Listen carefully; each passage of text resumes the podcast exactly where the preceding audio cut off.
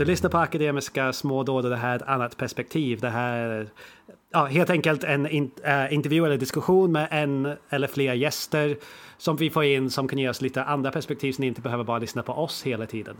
Uh, jag heter William uh, och idag är jag med Pontus. Hallå! Och vår gäst idag är Robin Fondberg. Hej hej!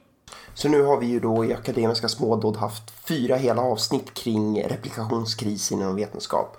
Och har man inte lyssnat på de avsnitten så får man ju gärna göra det. Jag tänker att det kan ge en bra förförståelse till mycket av det vi kommer ta upp här idag. Och Robin, du är ju med här idag då jag vet att du har ett stort intresse av just replikationskrisen och den här nya reformrörelsen inom psykologisk vetenskap som vi har diskuterat i, i tidigare avsnitt här i ASD. Du sitter ju både och tampas med dessa frågor i din vardag som forskare och du driver ju också en öppen och aktiv dialog kring detta på sociala medier med andra forskare och allmänheten i stort. Men innan vi går igång och diskuterar just de ämnena, Robin, vill du kanske introducera dig själv först och berätta lite om din bakgrund och om dina intressen? Ja, absolut. Jag är då sista års eh, doktorand på avdelningen för psykologi på Karolinska institutet. Jag eh, har också gått på eh, psykologprogrammet på eh, samma eh, universitet så att, så att jag är psykolog, om, om en dock olegitimerad psykolog. jag har inte gjort den här praktiken efteråt utan jag började forska direkt. Um, och min forskning handlar väl om, eh, egentligen så handlar det om lukt och smak. Både hur interaktionen mellan de två sinnena, hur det funkar på beteendenivå men, men också vilka eh, neurala korrelat som det finns och liksom hur de här två signalerna bearbetas i, i hjärnan helt enkelt. Eh, ja, det är väl kort om mig och, och min forskning. Vad spännande. Vi, både jag och William har ju också doktorerat på Karolinska institutet. Fast vi var ju liksom, inte en generation innan dig, kanske ta i, men vi var några år innan dig i alla fall. Just det. Och eh, jag tänker att när vi, eller min upplevelse, jag började 2013 och blev kvar, klar 2018. Och liksom hängde ju väldigt mycket i studentkretsar där framför allt runt 2015, 2016 och 2017. Liksom innan man försvinner i det där stora mörkret som att skriva kappan. Och jag, jag vet inte liksom, jag minns, vi har ju pratat om det här med replikationskris och vi har pratat väldigt mycket om QRPs, alltså questionable research practices eller som vi valde att översätta det, eh, tveksamma, tvivelaktiga forskningspraxis på svenska. Och eh, alltså min upplevelse var att det var en väldigt begränsad diskussion bland forskare på Karolinska i, i allmänhet, men kanske också bland doktorander i synnerhet, kring just QRPs. Och det som diskuterades, det var, jag fick upplevelsen att det liksom var den lilla grupp doktorander jag hängde med. Att det var då vi började upptäcka det och prata om det och liksom det drabbade oss på ett sätt. Så att du som är några år senare Robin, hur, alltså, hur upplever du att det är nu? Jag tycker väl att eh, den här beskrivningen som, som du precis eh, delgav, den stämmer ganska bra med min bild fortfarande. Det finns ju absolut en, en ganska livlig diskussion nu, men det är precis som du säger, jag upplever att det är bland eh, mig och eh, mina kompisar snarare än att det är någonting som finns liksom på, på hela avdelningen.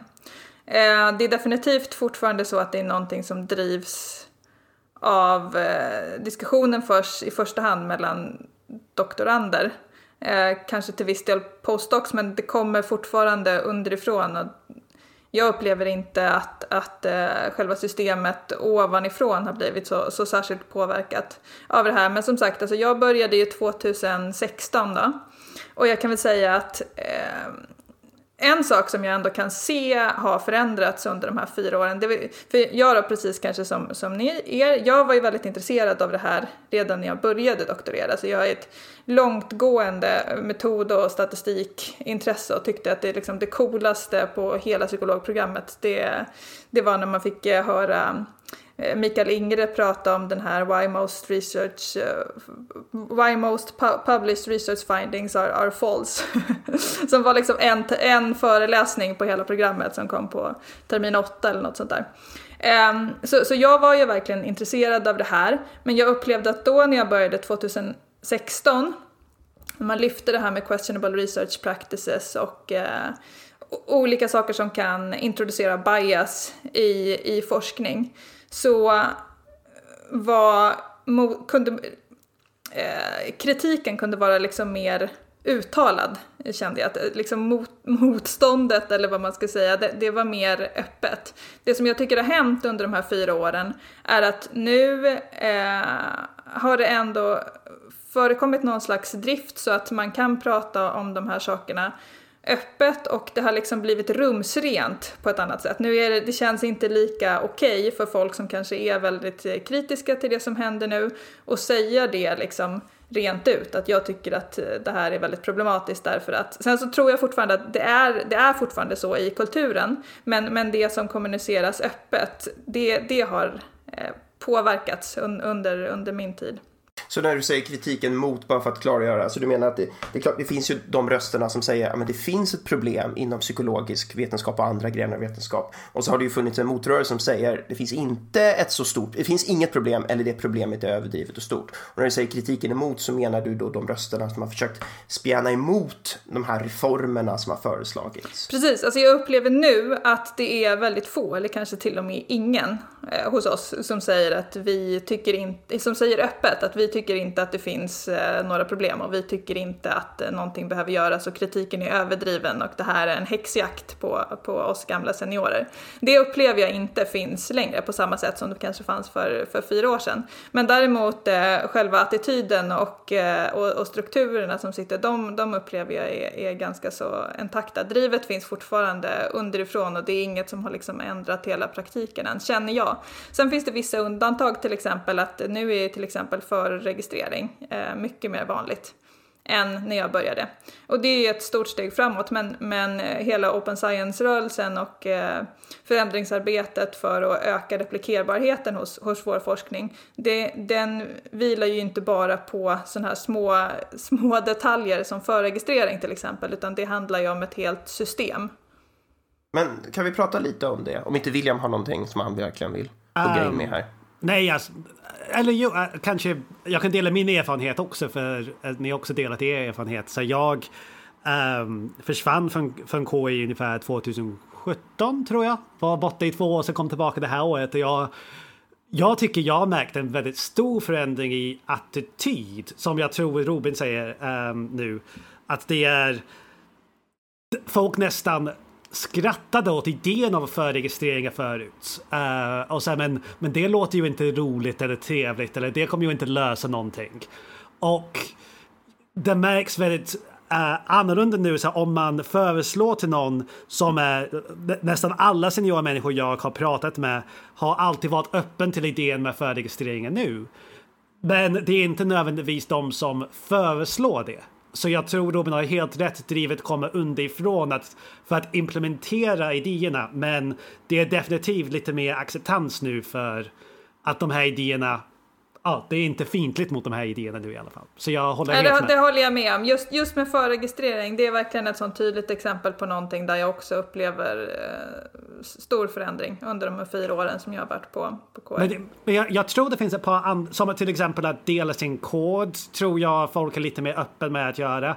För jag vet både, jag tror jag och Pontus delade all vår kod från vår doktorandtjänst äh, doktorandtider och det var ganska ovanligt under den tiden tror jag. Och ingen uppmuntrade oss att göra det, eller ingen uppmuntrade mig att göra det Pontus. Jag gjorde det inte för min första studie som där var koden gjord i eh, klicka och peka SPSS. Men när jag började gick över, gå till, över till R och mer reproducerbar kod så försökte jag trycka upp så, himla, så mycket som möjligt på OSF.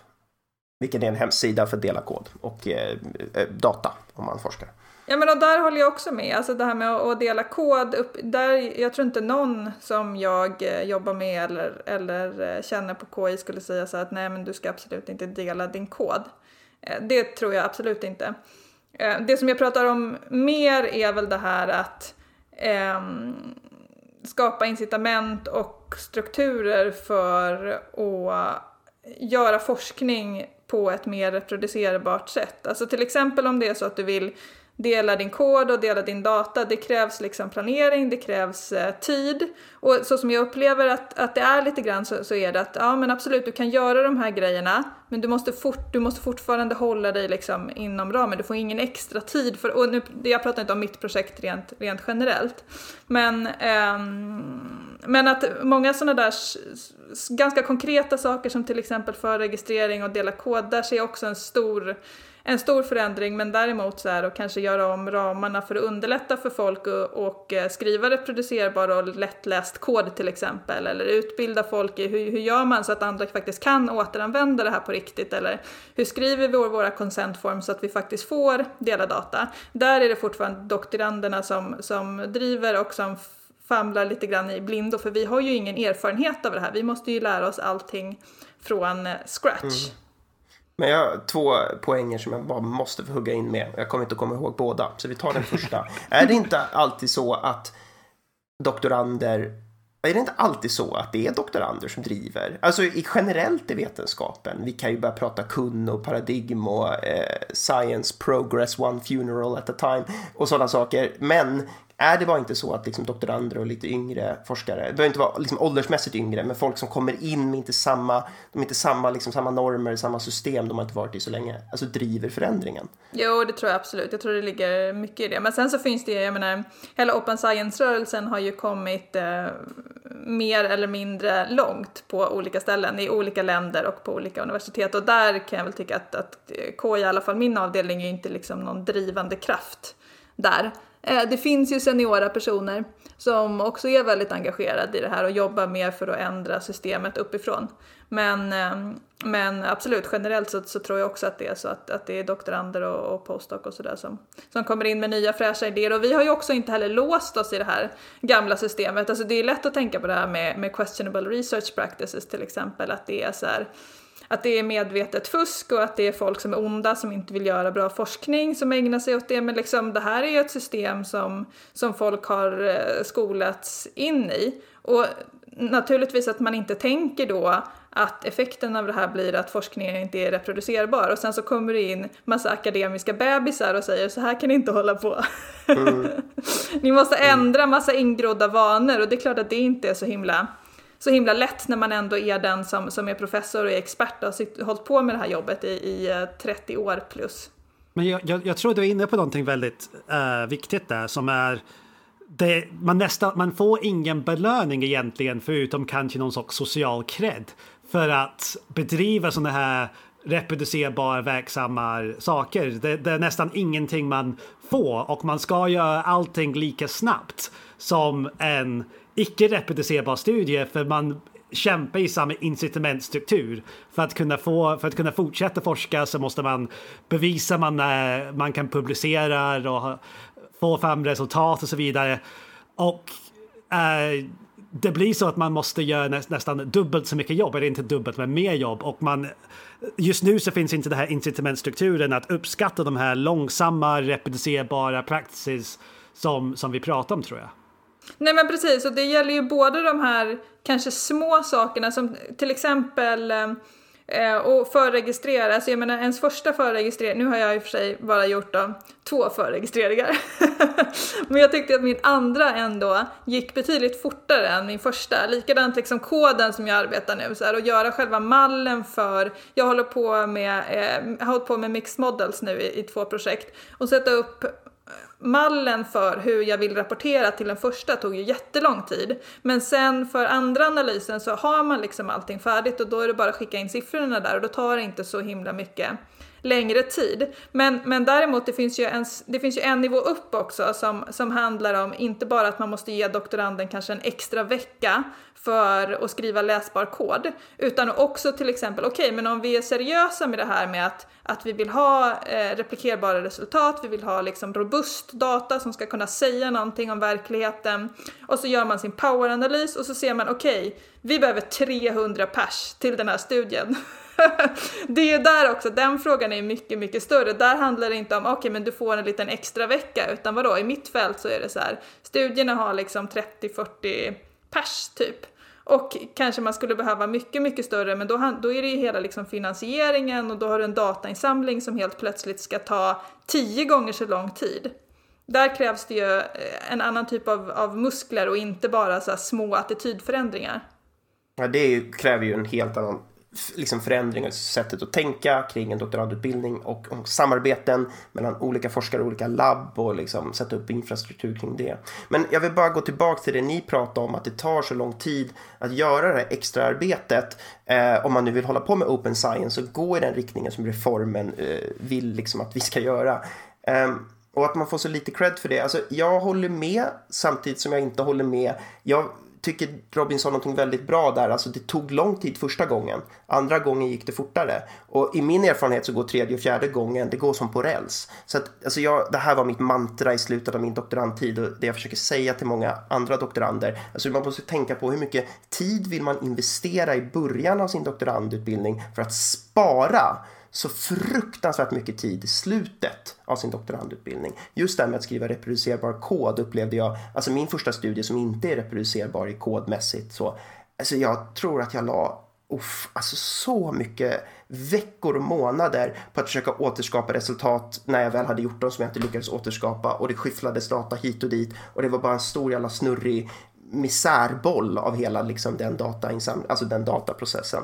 Medan liksom, min sista studie verkligen är bara ett liksom, liksom R-skript där det bara löper igenom och, och jag kunde klipp, klippa klistra. Så min poäng är att man, jag tror att om man gör det här tidigt i doktorandutbildningen, grundläggande statistik, utbildning i krisen, utbildning i hur man skriver en prereg och sådana saker, så så tror jag man kunde spara in så fantligt mycket tid hos alla doktorander på Karolinska institutet. Och det tror jag också, och där är vi ju inte än. Så det är ju fortfarande där att den här liksom egenutbildningen i Open Science Practices, den måste man stå för själv.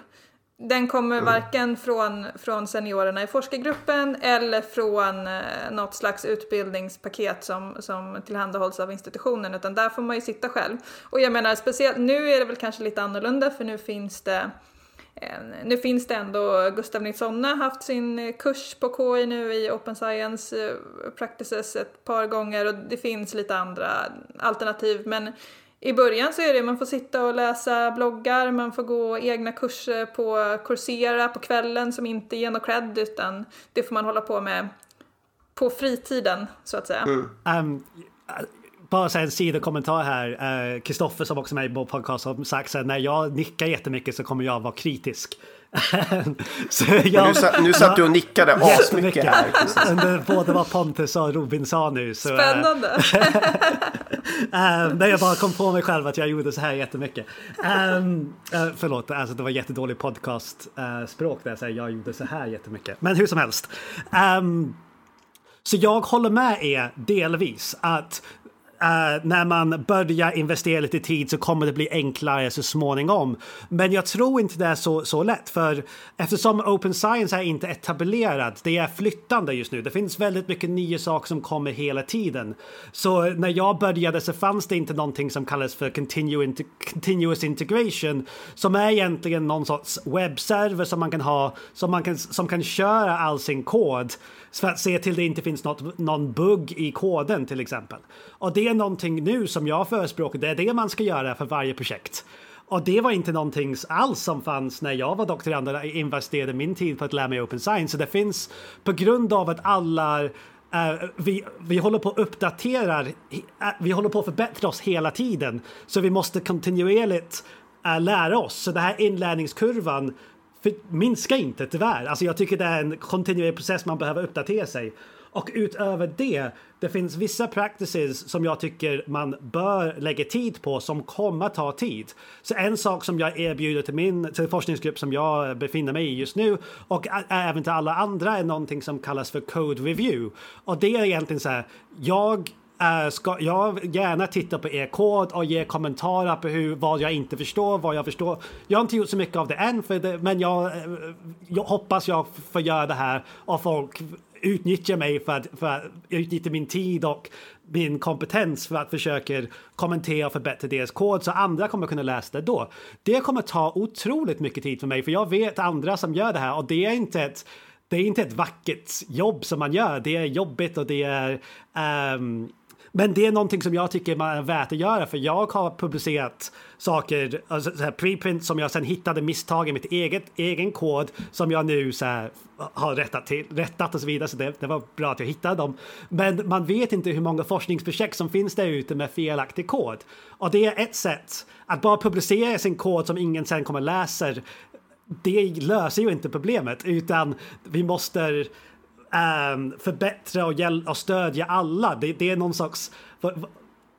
Det, det känns lite uh, ja, lite töntigt att säga tycker jag, men open science inte bara allting ska vara öppet, men vi ska också hjälpa varandra. Och så, så jag tycker till exempel saker med code review kommer ta väldigt mycket tid. Så jag tror inte, så det där jag inte håller med, att det kan ta mer tid. Mm. Ja, men jag håller med. Min erfarenhet är också verkligen att, att allt jag gör tar mycket längre tid än vad, vad mina handledare tycker att eh, det borde göra.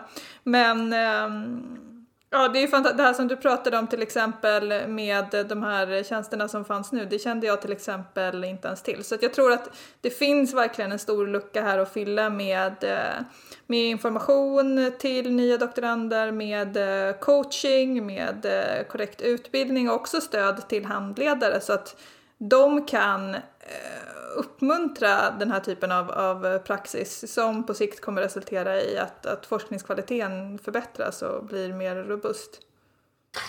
Alltså, vi sa just det, det kan, alltså William det, sa ju att det förändras hela tiden, vilket kan ju vara då en anledning till att det är svårt att formalisera en utbildning kring. Det är rykande färskt väldigt mycket av det här. Så att eh, jag vill inte att lyssnarna ska sitta och tänka så här med Karolinska institutet, varför har de inte implementerat utbildning kring det här? Eh, förhoppningsvis så kommer det. Vi hoppas att det kommer, men det är allt är inte nytt, men det är ganska mycket som är nytt och som eh, seniora forskare inte har kompetens i. Och då är det ju svårt att ut, utbilda yngre förmågor i någonting som man inte känner sig kompetent i. Och det är kanske en anledning till varför det drivs just från botten och från yngre. Men ska vi prata om en sak som är åtminstone semistrukturell som jag vet att du har varit inblandad i Robin, som är liksom, har någon slags, eh, försöker samla någon slags folk, om jag förstår det rätt, i någon slags journal club. Du driver någonting som heter reproducibility reproducibility. Precis, reproducibility. Alltså jag är en ordlek där jag inte kan, ut, inte kan utlägga.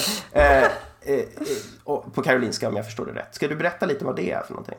Ja, nej men precis. Det är ett initiativ från eh, några open science-forskare från eh, Oxford. En eh, kvinna som då var doktorand som heter Amy Orban som är en av eh, mina stora open science-förebilder. Hon, hennes forskning handlar om eh, skärmtid och eh, skärmtidseffekt på mående. Och hon är väldigt drivande inom Eh, metavetenskap och eh, open science practices och sådär, även fast hon har varit väldigt, och är väl fortfarande väldigt eh, junior. Men eh, hon startade en journal club tillsammans med två kollegor som de kallade för reproducibility då, eftersom att det är engelskt så att de sitter tillsammans och sen så dricker de te och sen så har de som utbildningspaket som sträcker sig över ehm, en termin i taget där man träffas och alla får komma och så diskuterar man en artikel som alla har läst. Och de här artiklarna handlar om eh, olika open science practices men kanske också om eh, klassiska artiklar från, från metavetenskap som har eh, belyst eh, specifika problem till exempel.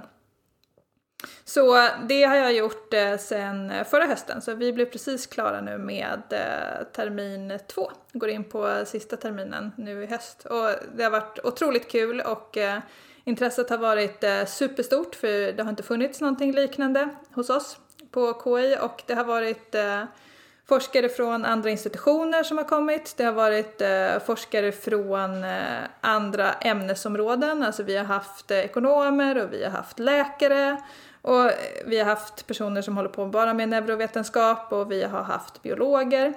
Och eh, väldigt trevligt, eh, öppet eh, klimat och man märker verkligen hur det ändå så här, även fast uppifrån så går det ganska långsamt och det finns väldigt mycket kvar att göra. Men underifrån så bubblar det verkligen intresset och det finns så mycket energi som man skulle kunna kanalisera om man bara ger folk eh, möjlighet.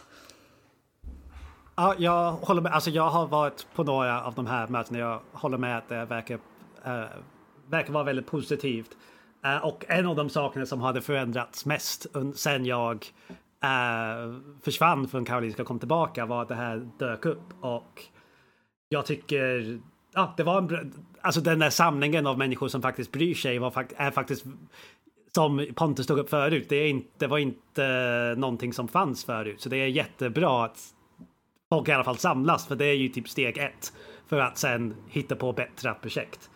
Alltså det kanske fanns, men jag tänker mig att vi hade inget riktigt forum att prata om det. Istället så använde vi de andra journal clubsen, forumen där vi träffades, att prata om det här vid sidan om. Men det här låter ju som ett dedikerat forum till att prata om open science och reformerna och liksom reproducerbarhet. Pontus tyckte prata om äh, reproducerbara saker på journal clubs väldigt mycket. Han rantade om ja. p-värden och så vidare och hade... Ja, det var lite av en käpphäst jag brukade dra upp. Jag tyckte att jag tyckte och tycker fortfarande att det där är väldigt, väldigt viktigt. Ja, men precis och det tycker vi och vi är ju många, det märks ju verkligen där, det är ju många som har försökt lyfta de här grejerna i sina egna forskargrupper.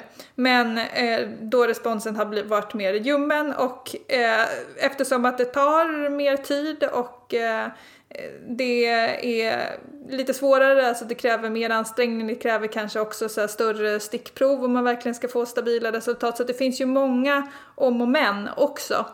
Men, eh, och, och, det har väl de här då väldigt juniora personerna känt att det har varit lite motigt då att lyfta sådana här olika typer av, av eh, problem eller funderingar i forskargrupperna. Men nu finns det liksom ett forum där det ändå är folk som tycker att eh, det här är väldigt viktigt och att det här är kanske det mest spännande som, som händer nu inom den psykologiska forskningen. Att vi faktiskt håller på att ställa om hela systemet. Och det är väldigt, väldigt positivt. Och eh, sen så som sagt kul att man får en sån bredd och man får höra. Och jag har ju känt innan jag startade det här att jag sitter själv med de här funderingarna mycket. Och läser och man läser på kvällen, man kanske träffar lite folk som tycker lika men de träffar man typ så på internet så man har skaffat liksom internetkompisar som har liknande funderingar som en själv. Men att, att själva på jobbet, i arbetet, i det vardagliga så är man ganska ensam. Och nu känns det inte alls på det sättet längre utan det finns verkligen så en stor uppslutning. Men det är ju juniora personer som kommer på de här träffarna. Alltså vi har väl haft kanske, det har väl varit eh, en professor har kommit en gång och en annan professor har kommit en gång sammanlagt liksom på de här två terminerna. Så att det visar också verkligen att det här drivs av, eh, det drivs av den yngre generationen. Um, mm. Men uh, en, så, så jag lät mig en, ganska mycket när jag var där angående till exempel vad folk känner de vill ha och behöver. Så till exempel, alltså jag ska ge en kurs nästa termin, eh, nästa termin där jag är kursansvarig och jag insåg att det är jätteviktigt att lägga till typ så här, hur kan man göra reproducerbara um, uh, uh, analyser med just inom det här ämnet jag ska undervisa om, nätverk om någon bryr sig. men jag insåg så här, eh, det här är tillfället det måste integreras i, i utbildningen. Så eftersom jag fick faktiskt skriva kursplanen så kunde jag lägga till uh, vi ska diskutera också hur man ser till att analysen är reproducerbart. Och uh, ja, jag hoppas att det sprids helt enkelt. Uh, för det behövs, tror jag. Att det inte ska vara någonting extra egentligen. Det ska vara, det ska vara någonting som integreras i hela utbildningen. Hoppas jag. Ja, men det var en annan fråga jag hade till, till Robin. Liksom. Det här, vi, vi pratar om att man kanske ska ha specifika kurser, Open Science, man ska ha specifika forum. Men ska det egentligen behövas specifika kurser, specifika forum för just Open Science-reform? Ska det här, alltså, ska det här inte bli en del av liksom normen i vetenskap? Jo, i alltså hundra procent. Och jag har, ju, jag har ju en statistikkurs på psykologprogrammet. Och där försöker jag lägga in eh, lite sånt här i själva, i, i hela utbildningspaketet så att, så att det ska bli en, en del av en större helhet. Men sen så tror jag också att på doktorandnivå så tror jag ändå att det skulle vara, jag hade i alla fall verkligen haft nytta av en eh, koncentrerad riktad open science-kurs precis i början av utbildningen. Det hade, det hade sparat mig många hopplösa timmar på, på Youtube och läsande av kod på bloggar som jag inte riktigt förstår och, och sådär. Utan att få liksom hela, hela paketet tidigt men sen absolut, det måste ändå in i alla kurser, speciellt alla tekniska metodstatistikkurser. Hörni, vi går vidare till nästa fråga eh, innan vi börjar avrunda intervjun med Robin. Alltså, vi har pratat väldigt mycket om hur det ser ut inom forskningsvärlden, hur vi önskar att det kunde se ut i forskningsvärlden, vilka i forskningen som driver det här och inte. Men ska vi ta ett steg ut ur forskningsvärlden och tänka lite grann kring allmänheten? Alltså, Robin, vad tycker du? Hur viktigt är det att allmänheten känner till vet om replikationskrisen? Eller ska det vara någonting som vi forskare liksom försöker hålla hos oss själva ett tag till? Eller ska vi liksom, hur, hur, hur ska vi förhålla oss till allmänheten kring den här krisen som vi har pratat om nu i så många avsnitt? Alltså, jag kan väl tycka att det finns inget egenvärde i att inte lyfta de här problemen som vi har inom psykologin och inom de flesta andra fält också till allmänheten. Jag tycker liksom inte att det finns här att, att vi ska det ska finnas någon slags stolthet i att hantera det här inom professionen. Sen kan jag väl tycka å andra sidan också att för jag antar att du frågar därför att jag pratar ju mycket om det här på mitt eh, Twitterkonto. Och jag kanske jag skulle ha sagt att du är ju en, näst, en halvofficiell till en officiell röst utåt för mycket av den här reformen och rörelsen i Sverige. Precis. Och jag har väl landat i, för mig själv, att jag tycker att eh, det är positivt att lyfta de här problemen för allmänheten för att det kan hjälpa till och ändra incitamentstrukturen som finns inom vårt fält och inom många andra fält också. Men egentligen så tycker jag att om det var så att jag upplevde att systemet också uppifrån eh, hårdare gick ut för att transformera sättet som vi gör forskning för att öka transparens och reproducerbarhet. Och att, att det var någonting som också inte bara drevs underifrån. Då skulle jag kanske tycka att, att eh, det var onödigt och eh, kommunicera det här utåt. För att jag ant alltså det märker jag ju verkligen, även fast ja visst jag har, jag har en stor Twitterkanal, men fortfarande så är det så att det här är ju ingenting som vanligt folk egentligen är så himla intresserade av. Folk kan bli intresserade av det, men det är inte ett intresse, så det finns ju mycket annat inom psykologin som är mycket så här, eh, sexigare att prata om egentligen. Men som sagt, jag, jag tycker att det här, eh, det här hjälper. Jag, jag tycker att det är positivt att det finns ett visst externt tryck på vetenskapen och gå i den här riktningen. Mm. Och det är min högst personliga åsikt och många tycker att det är helt fel. Och jag har också fått en hel del kritik från eh, seniora personer som, som tycker att man inte ska lyfta de här problemen utåt. Varför då? Därför att det riskerar, då är ofta, nästan alltid så är motiveringen att eh, det riskerar att eh, skada psykologins förtroende. Alltså allmänhetens förtroende för psykologi som vetenskap. Men jag tycker inte att det finns något, det finns inget, det finns inget självändamål i att folk ska ha väldigt högt förtroende för vår vetenskap. Jag tycker att vi som individuella forskare snarare ska vara inriktade på att göra grejer som är så pass bra så att vi kan känna att vi förtjänar allmänhetens förtroende och där borde fokus ligga. Mm. Mm. Man har ju beskrivit replikationskrisen, en annan term man har använt är ju en förtroendekris. Och det har väl inte varit helt eh, definierat om det är förtroendekris bland forskare eller liksom bara en allmän förtroendekris för hela fältet, även då från allmänheten. Men man kan ju lätt tänka sig att om vi inte ändrar vissa saker kan man ju tänka sig att förtroende från allmänheten kommer börja dyka. Och därmed kommer väl kanske i längden också viss finansiering börja ta slut. Kan man ju tänka sig.